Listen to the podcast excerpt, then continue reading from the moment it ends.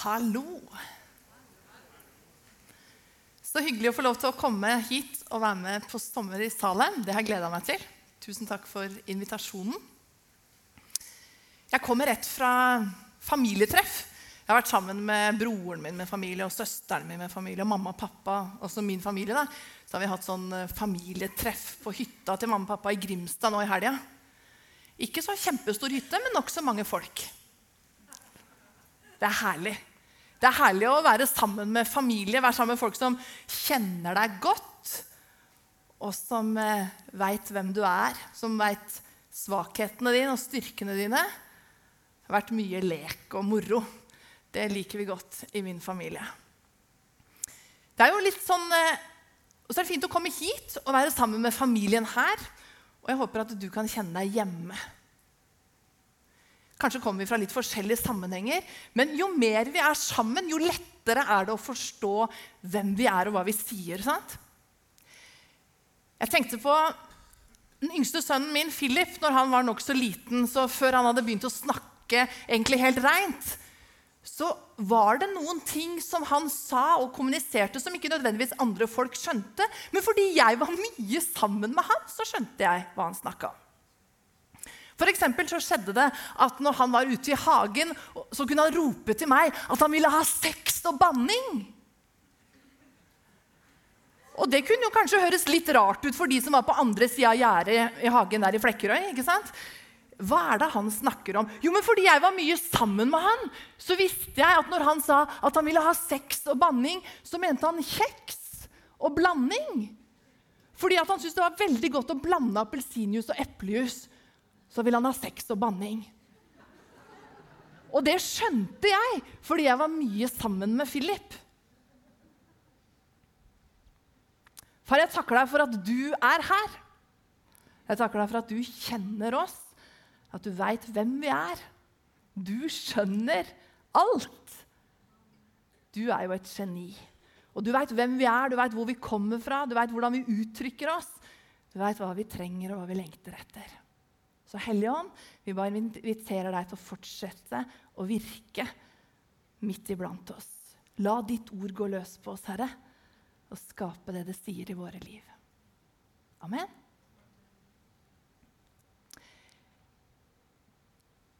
Jeg tenkte på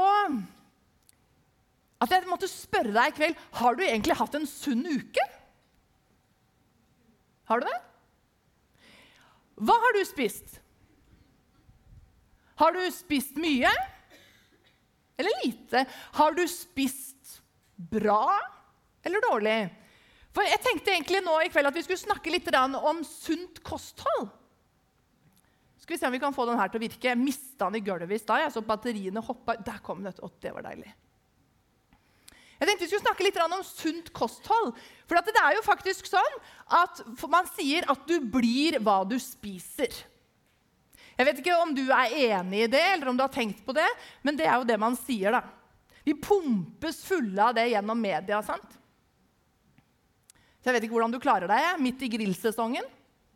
Med softis tilgjengelig på hvert hjørne omtrent, med strø. Jeg vil jo si Det at det viktigste er ikke hva du spiser mellom første og tredje eller fjerde ferieuke, men heller hva du spiser mellom tredje og fjerde ferieuke og første ferieuke igjen. For det er jo da hverdagen er. Så kos deg med grillsesongen. ok? Gode vaner, det er viktig. Fordi det er jo da i hverdagen at du lever livet ditt. ikke sant? Det er i hverdagen at prioriteringene våre egentlig viser seg. Det er hverdagen vår som viser hvem vi egentlig er, rett og slett. Så hverdagskost, det er jo helt avgjørende. Det er jo også sånn at det er veldig viktig å spise variert. At du ikke bare spiser det samme hele tiden. Vi kan være sånn som mennesker, tror jeg. I hvert fall er jeg sånn. Og kanskje er det noen her som er sånn som meg. At vi kan veldig lett la oss begeistre av noen ting, så blir vi veldig fokusert på det. liksom. Så er det vi går for. Hallo, liksom. Nå har jeg skjønt, jeg oppdaget. Nå vet jeg hva greia er. Også hvis du spiser altfor ensidig, kjører ett spor, så kan du rett og slett få mangelsykdommer. Jeg vet ikke hva du tenker når du sitter her, nå, så kanskje tenker du eh, Var ikke dette sommer i Salem? Er dette liksom et ernæringskurs jeg har kommet på? Eller hva er det egentlig som er greia her nå? Det er ikke det, altså. Det er ikke det. Fordi Jesus han sier det i Matteus 4,4 at mennesket lever ikke av brød alene, men av hvert ord som kommer fra Guds munn. Og det er sånt kosthold som jeg har lyst til å snakke om i kveld. Hva har du spist i dag? Hva har du spist denne uka?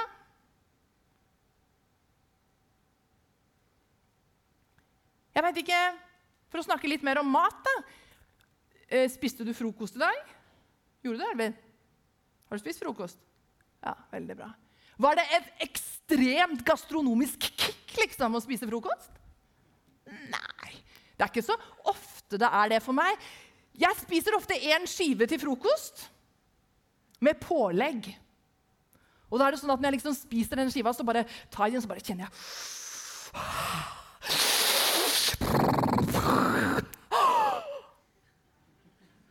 så bare kjenner jeg det liksom i hvert fiber, i hver celle, helt ut i hver eneste del av kroppen. Liksom bare, Yes, frokost! Er det ikke sånn for deg? Stakkars deg. Ja, men det er jo ikke sånn. Det er jo ikke sånn. Vi spiser fordi vi trenger det. Ja, og vet du, Mange ganger så husker jeg ikke hva jeg spiste til frokost en gang. litt senere på dagen, fordi Det er ikke fokusen min egentlig det, men fokusen min er at jeg må ta til meg næring. sant? Fordi jeg veit at jeg trenger det.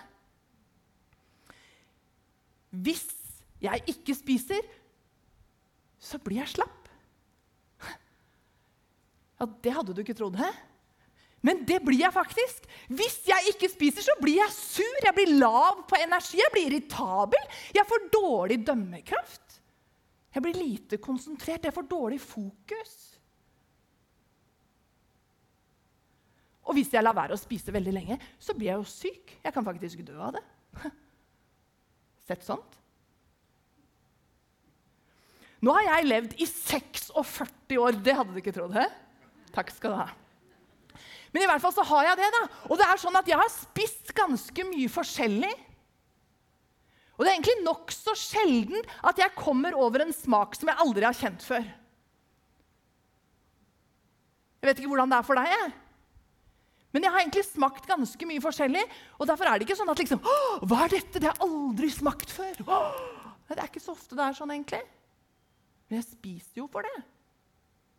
Det er ikke sånn at jeg lar være å spise. Nå fins det ganske mange rare ting å spise. Og Philip, han yngste sønnen min, eh, når vi var ute og reiste i forbindelse med jobben vår i Ungdom i oppdrag, for ikke lenge siden, så, så var vi sammen med en som heter Suzuki, som har jobba veldig mange år inne i Amazonasjungelen med unådde folkeslag. Og Så ble han veldig fascinert av denne mannen, og så sa han, 'Hva er det rareste du har spist, Suzuki?' tenkte han seg om litt, og så sa han, 'Nei, det må vel være edderkopprumper dyppet i kyllingblod'. Da kjente jeg at jeg har litt å gå på i forhold til en del ting jeg ikke har smakt ennå. Det er kanskje egentlig helt like greit, eh, kjenner jeg.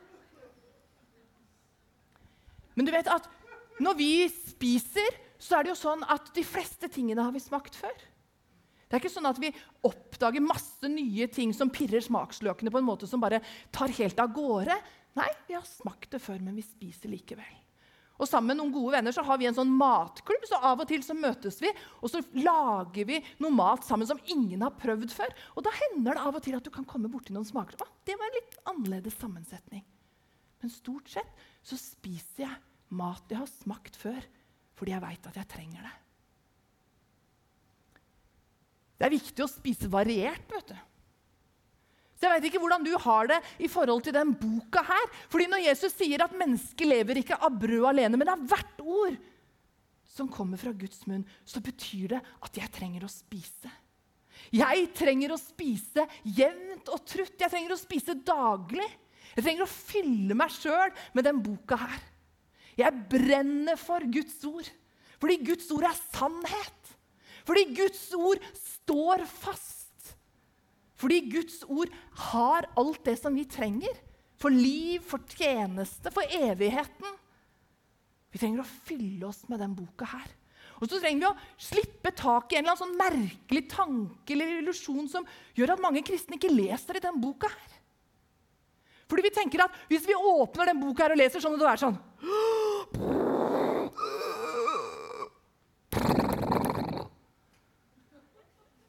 Vet du, Jeg leser i denne boka her så godt som hver eneste dag fordi jeg har bestemt meg for det. Fordi jeg veit at jeg trenger det. Fordi jeg veit at hvis jeg ikke gjør det, så blir jeg slapp. Så blir jeg underernært og sykelig. Jeg blir faktisk irritabel og grinete og får lite å gå på. Jeg mister fokus. Jeg blir lav på energi. Det er faktisk sånn at hvis jeg ikke fyller meg sjøl med denne boka her, så mister jeg muskelmassen min åndelig talt. Tanken min blir forført.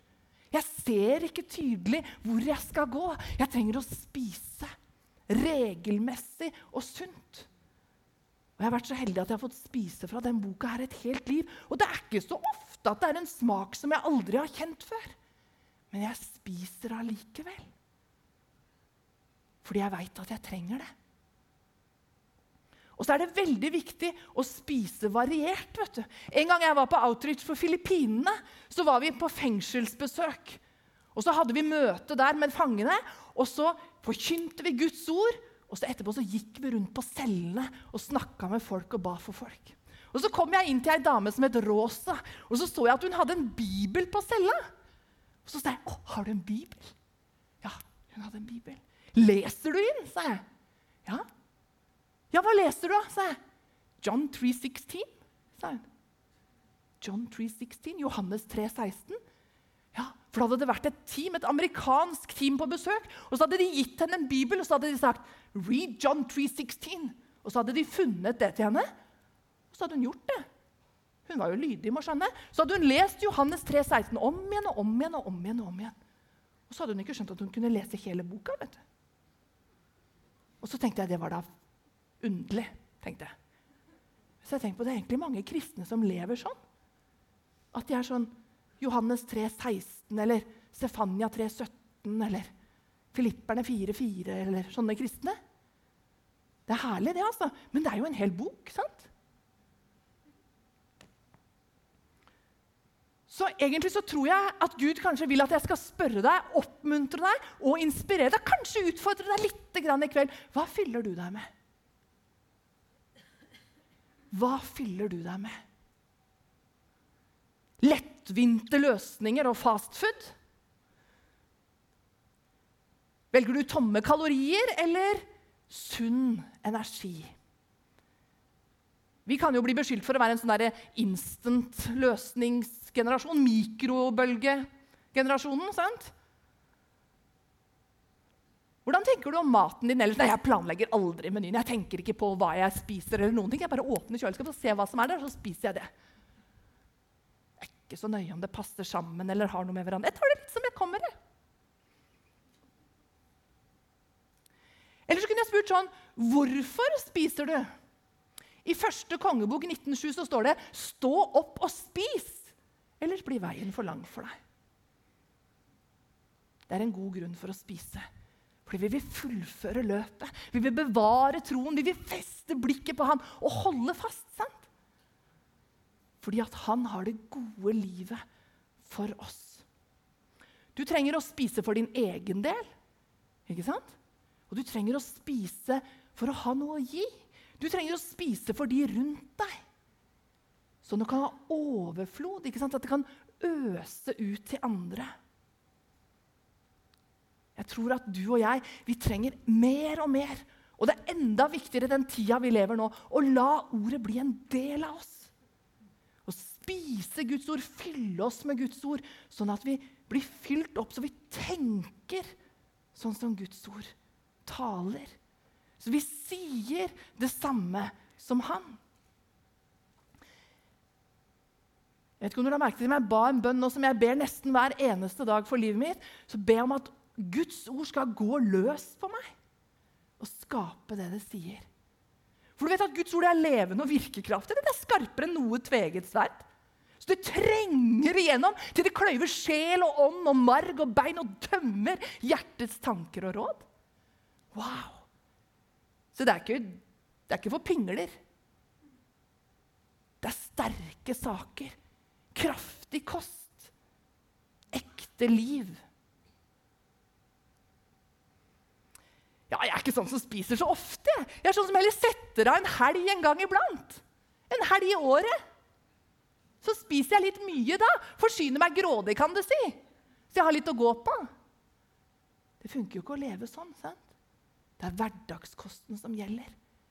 Vi må fylle oss med Guds ord. Vi må spise hver dag. Så kanskje egentlig så trenger vi å oppmuntre hverandre og hjelpe hverandre til å sette opp en meny. Til å tenke bevisst på hva trenger jeg å fylle meg med. Hva trenger jeg å spise? Og nå snakker jeg om Guds ord, altså. Ikke om grillsesongen lenger. Men hva trenger jeg å spise? Hva trenger jeg å fylle meg med for å bygge mitt åndelige liv? For å bygge mine muskler? Og I Esekiel 3, vers 1-3, så står det sånn her Han sa til meg, 'Menneske' Spis det du finner. Spis denne rullen. Gå så og tal til Israels folk. Gå så og tal til Israels folk. Da åpnet jeg munnen, og han lot meg spise av rullen. Han sa, 'Mett din mage med denne rullen. Fyll dine innvoller med den.' Da spiste jeg den, og den smakte søtt som honning.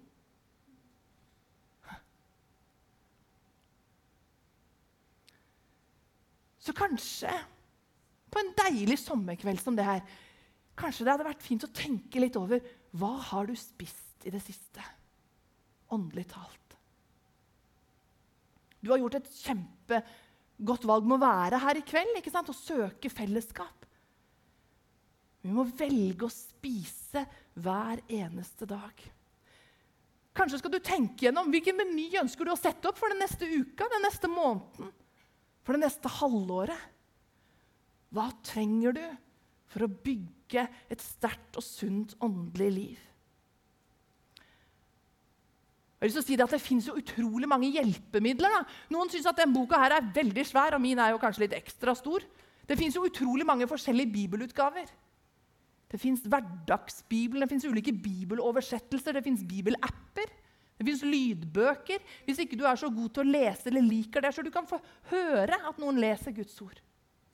Det fins masse leseplaner, ressurser, ulike ting.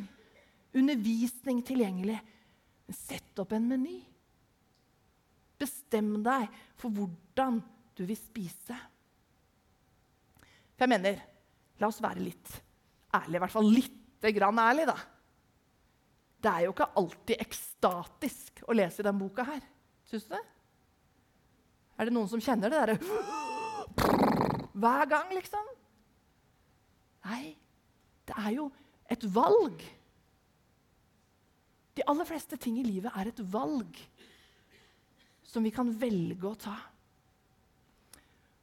Og jeg har sovna. Det har hendt at jeg har sovna i matfatet. for å si det sånn. Men jeg slutter jo ikke å spise av den grunn. Nei, Da kan jeg fortsette å spise når jeg våkner igjen. da.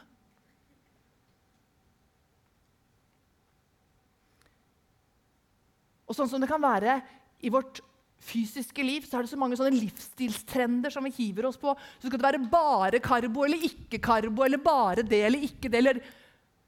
Så, så lever vi sånne grøfteliv, egentlig, at vi kaster oss fra den ene grøfta til den andre. Hvordan skal man egentlig leve, da? Vi må finne en sunn balanse. Den kristne avisen Dagen utførte en undersøkelse for året 2014. Så det er jo snart tre år siden nå. Når 2014 på en måte var ferdig. Så gjorde de en undersøkelse i forhold til kristne i Norge sin bibellesevaner. Kanskje noen av dere leste litt om den undersøkelsen, for det ble publisert ganske mye. Men da var det egentlig nokså trist, noe av det som kom fram. Men jeg tenker, kjære tid, vi har mye å gå på. Det er potensialet for å vokse, det er potensialet for å spise bedre. For den Undersøkelsen den viste at i frikirkelige kretser og da tenker man jo at Folk som er med i frikirkelige kretser, de er ofte kanskje over middels engasjert. Det er sånne folk som oss, det. Ja. Og i frikirkelige kretser, blant fri, frikirkelige kristne, så var det to av fem, altså 40 av disse kristne, hadde ikke åpnet Bibelen sin i løpet av det året. 40% 20% leste daglig eller rett som det er i Bibelen. Rett som det er. Det er herlig. Jeg spiser rett som det er. Innenfor Den norske kirke var det 10 som leste daglig eller rett som det er. Men i frikirken er det 20% altså to av ti. 3% av alle nordmenn uansett om de regnet seg som kristne eller ikke, leste i Bibelen daglig. Flest av de som leste daglig i Bibelen, var mellom 18 og 30 år. Det er jo veldig, det bringer mye håp, tenker jeg. Så tenker jeg jeg kan være med å dra opp det snittet. Jeg har jo passert til 30. Det er jo herlig! sant? Du kan være med å snu den statistikken. Og bibellesning var mest populært i Sør-Norge. Pussig.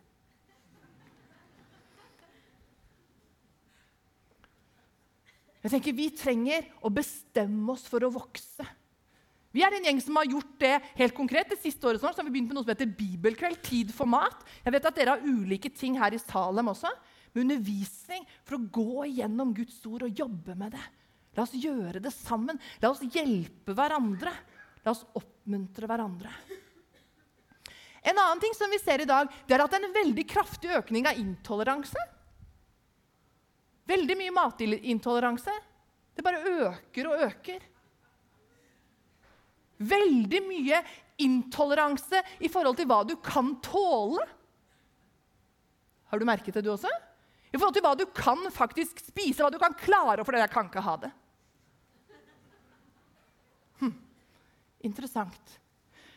Hvorfor har det vært så kraftig økning av det? Nå er det nesten trendy å være på diett. Og jeg mener, noen trenger det virkelig fordi at systemet er helt ute av kurs. Vi takler ikke lenger vanlig kost fordi vi har fått så mye kunstig servert. Så mye tilsetningsstoffer. Og vet du hva? Guds ord taler veldig tydelig og seriøst om det å forkynne ordet klart og rent og være utholdende i det. Jeg tror det er veldig, veldig viktig for å forebygge intoleranse. Åndelig intoleranse. Og I 2. Timoteus 4, vers 1-5 så står det Så sant som han kommer og oppretter sitt rike, pålegger jeg deg. For Guds og Jesu Kristi ansikt, han som skal komme og dømme levende og døde. Forkynn ordet. Stå klar i tide og utide. Vis til rette. Tal til tukt og tal til trøst. Med all tålmodighet og iherdig undervisning. For det skal komme en tid da folk ikke lenger tåler den sunne lære. Det skal komme en tid da folk ikke lenger tåler den sunne lære, men skaffer seg den ene læreren etter den andre. Slik de finner det for godt, fordi vi har det som klør i øret.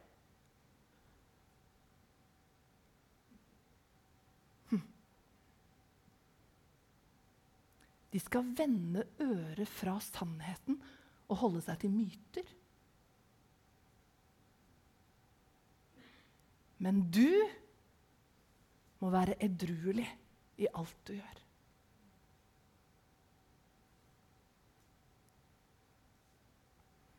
Det sto her at de skaffer seg den ene læreren etter den andre slik de finner det for godt.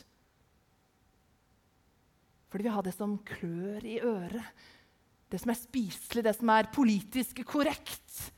Slik de selv finner det for godt. Men det står her 'forkynn ordet' i tide og utide. Vis til rette, tal tukt og tal trøst. Med tålmodighet og iherdig undervisning. Jeg elsker det der. Hæ? Fantastisk. Bibelen er veldig bra, altså. Ja. Amen. Jeg tenker, Det er ikke gjort i en håndvending, det her. Nei, Dette er noe som vi må investere i, som vi må velge, som vi må heie på hverandre i. På nytt og på nytt. Og enda mer i den tida vi lever. Når Guds ord er så tydelig på å oppfordre oss til at vi må undervise den sunne lære, så betyr det jo at det fins usunn lære også. Den som har for mye tilsetningsstoffer, den som legger noe til eller trekker noe fra. Selektiv bibelbruk. Hei, hei. Jesus Jesus er grei, men jeg velger bort han derre Paulus. Altså. Han syns jeg er veldig vrien å forholde meg til. Eller Gud i GT. Det kan jo ikke være den samme som i Nytestamentet. Det er en del problematiske vers. Tror kanskje jeg holder meg til Johannes 3, 16. Vi må våge å, å, møte Guds ord. Vi må våge å møte de vanskelige spørsmålene. Og så må vi våge å gi Guds ord rett. Ikke utvikle intoleranse. For i Salme 119, vers 160, så står det Summen av ditt ord er sannhet. Summen av ditt ord er sannhet. Din rettferdige lov varer evig. Jeg er så heldig at jeg er gift med Ståle, og han er litt av en kar. Og vi har vært gift i 24 år snart. Det er ikke verst. hæ? Vi har bestemt oss for å ta et år til.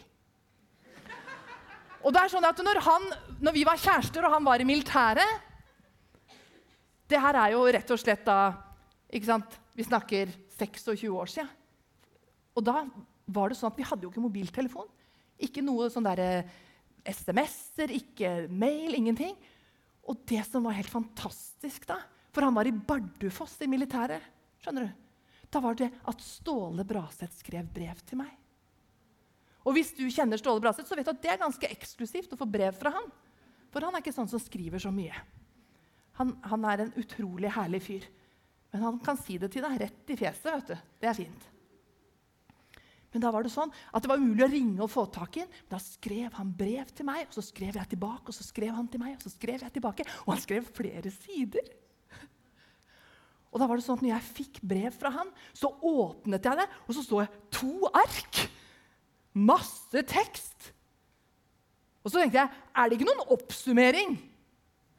Er det ikke liksom noe, noe som er uthevet, eller noen overskrift? Eller er det ikke Han kan jo ikke mene at jeg skal lese alt dette.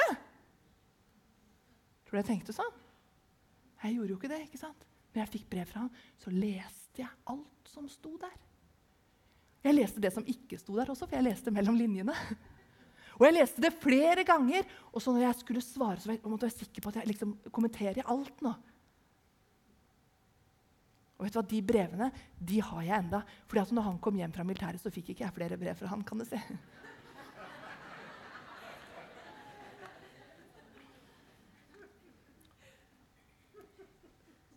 Gud han har gitt oss den boka her, som er et gedigent kjærlighetsbrev egentlig, fra far. Og så får vi den boka her, og så, så, tenker jeg kanskje reaksjonen vår er litt annerledes enn det han hadde forventet. Litt sånn Så mye tekst! Og ingen bilder! Du kan jo ikke mene at vi skal lese alt det her. Er det ikke noen sånn oppsummering eller noe som er understreket? Eller er det, ikke, er det ikke mulig å få litt hjelp? Og så, les, så blir vi sånn Johannes 3, 16, Stefania 3, 17, Filipperne 4, 4, kristne. Sånn. Det er mulig å få hjelp, men vi trenger å lese hele Guds ord. Fordi summen av Hans ord er sannhet. Og vi trenger å kjenne Guds ord. Vi trenger å fylle oss med den boka her. Og vet du, at Noe av det som Jesus sa når han advarte mot å fare vill, så sa han sånn her, det står i Markus 12, 24, så sa han, dere farer vill. Og skjer ikke det fordi dere verken kjenner Skriftene eller Guds makt? Så vi trenger å kjenne både Skriftene, Guds ord, og Hans makt, Ånden. Vi trenger både Guds ånd og Guds ord for å ikke fare vill. Vi kan ikke bare ha ordet, for da, da, kan vi gå, da kan det bli helt tørt. sant? Men vi trenger, Og vi kan ikke bare ha Ånden, fordi vi trenger sannheten som veileder oss. Og Den hellige ånd skal minne oss på alt det som Jesus har sagt.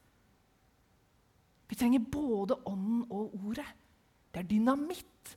Det er kraft. Og det vil hindre oss i å fare vill. Vi må kjenne Guds ord. Det er mange som mener noe om Bibelen. Det er mange som sier noe om Bibelen. Det er mange som debatterer Bibelen. Det er mange som skriver leserinnlegg om Bibelen. Vi må kjenne Bibelen.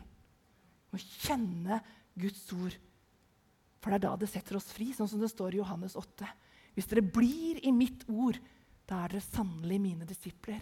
Og dere skal kjenne sannheten, og sannheten skal sette dere fri. Det er jo det som er fantastisk med denne boka her. At jo mer du fyller deg med den, jo mer frihet vil du erfare. Jo sterkere vil du bli.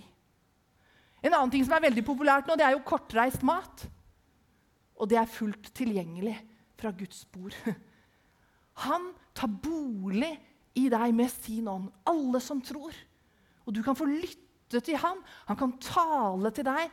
Han kan gi deg mat. Du trenger å lese Guds ord selv. Du trenger å lese det sammen med andre. Når jeg setter meg ned med Bibelen, så pleier jeg å si, Hellige Ånd, vis meg hva jeg leser. Lær meg. Inviter han til å tale til deg. Det er en prioritering, det er et rått valg som vi trenger å heie på hverandre til å ta. Ha et sunt kosthold og spise hver dag. Jeg tror at Ofte så kan vi tenke om oss sjøl at, at, vi har ikke noe å dele. Og vi må jo bare fylle oss, fordi det hjertet er fylt av det tale munnen. Det hjertet er fylt av det tale munnen. Så vi trenger å fylle oss, og så trenger vi å gi det videre, det vi fyller oss med, så vi ikke blir bare en sånn dysfunksjonell åndelig tjukkas som liksom ikke gir noe videre. Det er ikke noe vits å feite deg opp bare for din egen del, åndelig talt. Du må forbrenne det. Du må gi det videre.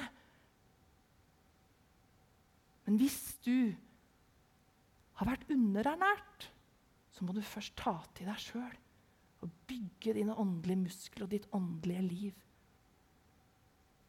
Men jeg vet at det er mange her som spiser sunt og godt. Og Da trenger vi å gi det videre, og vi trenger å oppmuntre hverandre til å spise. Vi trenger å si sånn som det står i Kolosserne 3,16.: La Kristi ord få rikelig rom hos dere.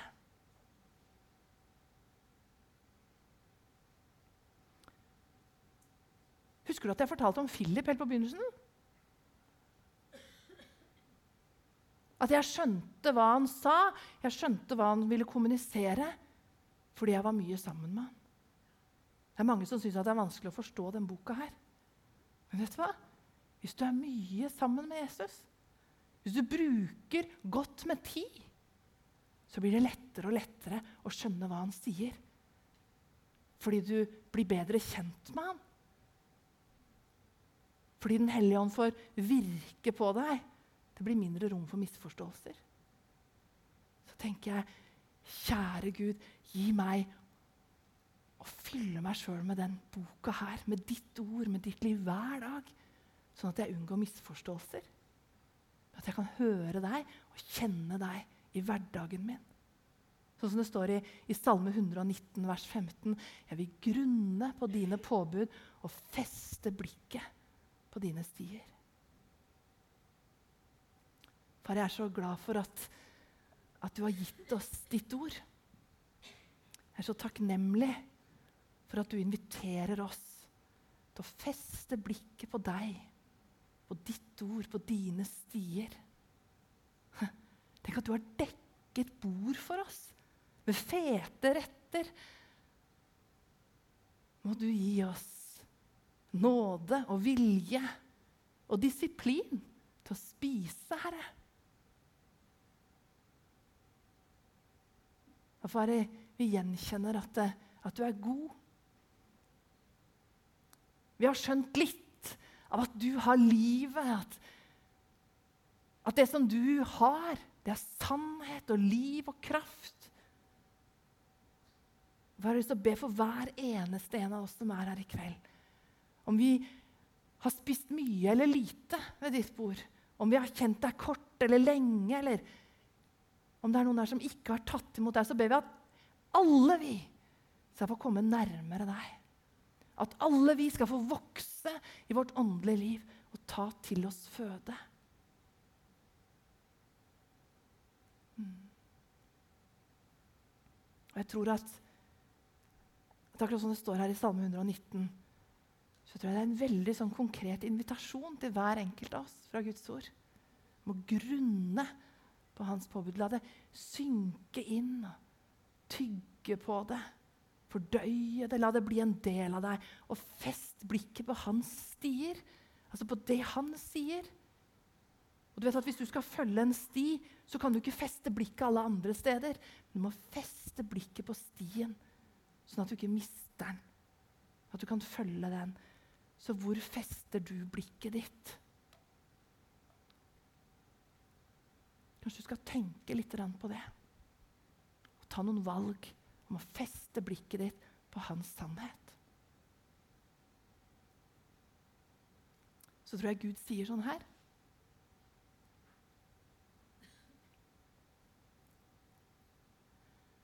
Hvis du fester blikket ditt på meg, skal jeg vise veien.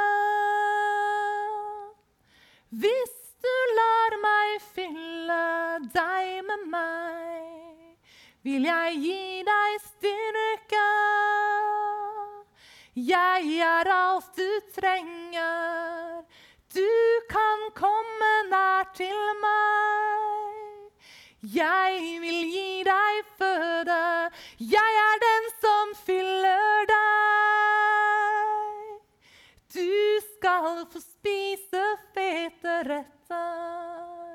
Jeg vil gi deg av mitt ord og av min ånd. Så kom til meg, kom til meg og spis. La meg mette ditt indre. La meg vise deg vei. Kom og spis. Kom og spis med meg.